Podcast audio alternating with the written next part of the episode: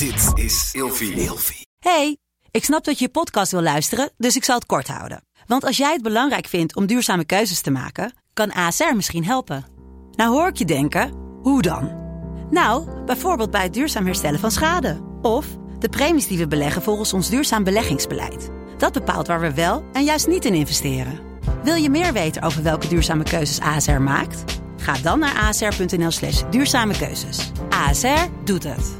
Zo, dan kan je nu lekker naar je podcast luisteren. Vroeger. Meneer de Munnik, we bespreken deze week het onderwerp Romeinse Rijk. En in deze aflevering hebben we altijd een verhaal in de categorie een historisch personage. We gaan het hebben over Julius Caesar, want waarom is dit eigenlijk zo'n grote meneer? Ja, Julius Caesar of keizer. Hè, er komt keizer vandaan. En tsaar. Het woord tsaar ook. Ik vind één heel mooi verhaal van Caesar is dat hij ooit is gevangen genomen door piraten.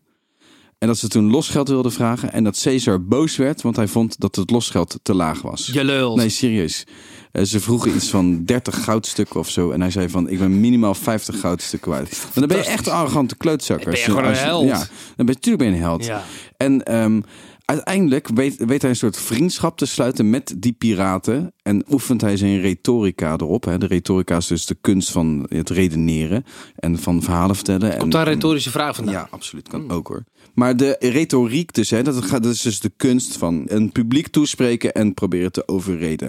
Nou, uiteindelijk komt hij vrij. En jawel, 38 dagen later gaat hij een soort strafexpeditie opzetten om die piraten op te zoeken. En die weet hij te vinden en die laat hij dan gewoon kruisigen. Oh, Ja, terwijl dit was echt heel Ja. lang geleden. Ja, 50 ja. voor Christus of Nee, zo. ja, terwijl, maar terwijl ze dus gewoon ja, eigenlijk zijn, zijn vriendjes waren geworden. Dus dat vind ik dan alweer een bizar verhaal. Eh, Caesar is bekend geworden als een, een, een waanzinnig goede generaal. Ehm, voornamelijk in Frankrijk, dus in, in Gallië.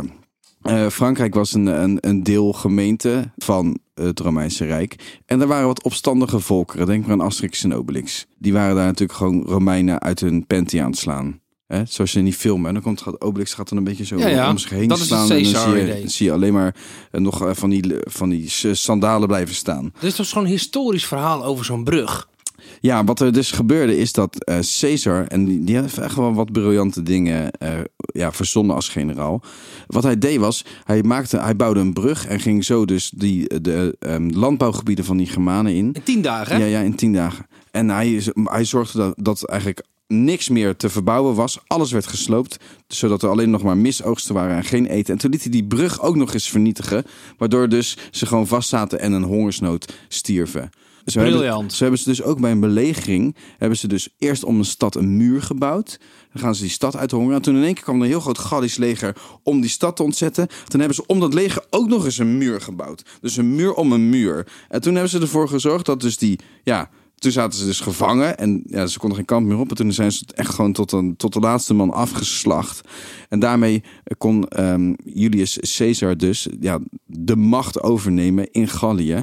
En werd hij als een enorm grote held in Rome onthaald. En dat is dus naar zijn kop gestegen.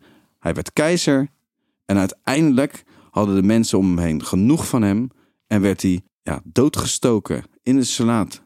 Maar in de 19e eeuw werd hij toch een nationaal symbool voor Frankrijk. Hoe kan dat dan? Hij niet, dat was ehm, de, zijn Gallische tegenspeler. Oh, Ja, en dan moet ik het goed zeggen. Vercingetorix. Ja. Vercingetorix. Nou, weet je, dan vind ik Obelix. Laten we hem Obelix noemen. Obelix, die kwam dus voor Frankrijk op, voor Gallië. En uiteindelijk moet hij dus toch zijn wapens aan de voeten van Caesar werpen. En zich gewonnen geven. precies. Toch is hij dus, Obelix, Meneer V. meneer V, eh, een nationaal symbool voor Frankrijk. Omdat het staat voor verzet tegenover tirannie. Ook al verlies je, je bent een held. Ja, absoluut. Tot morgen. Vroeger.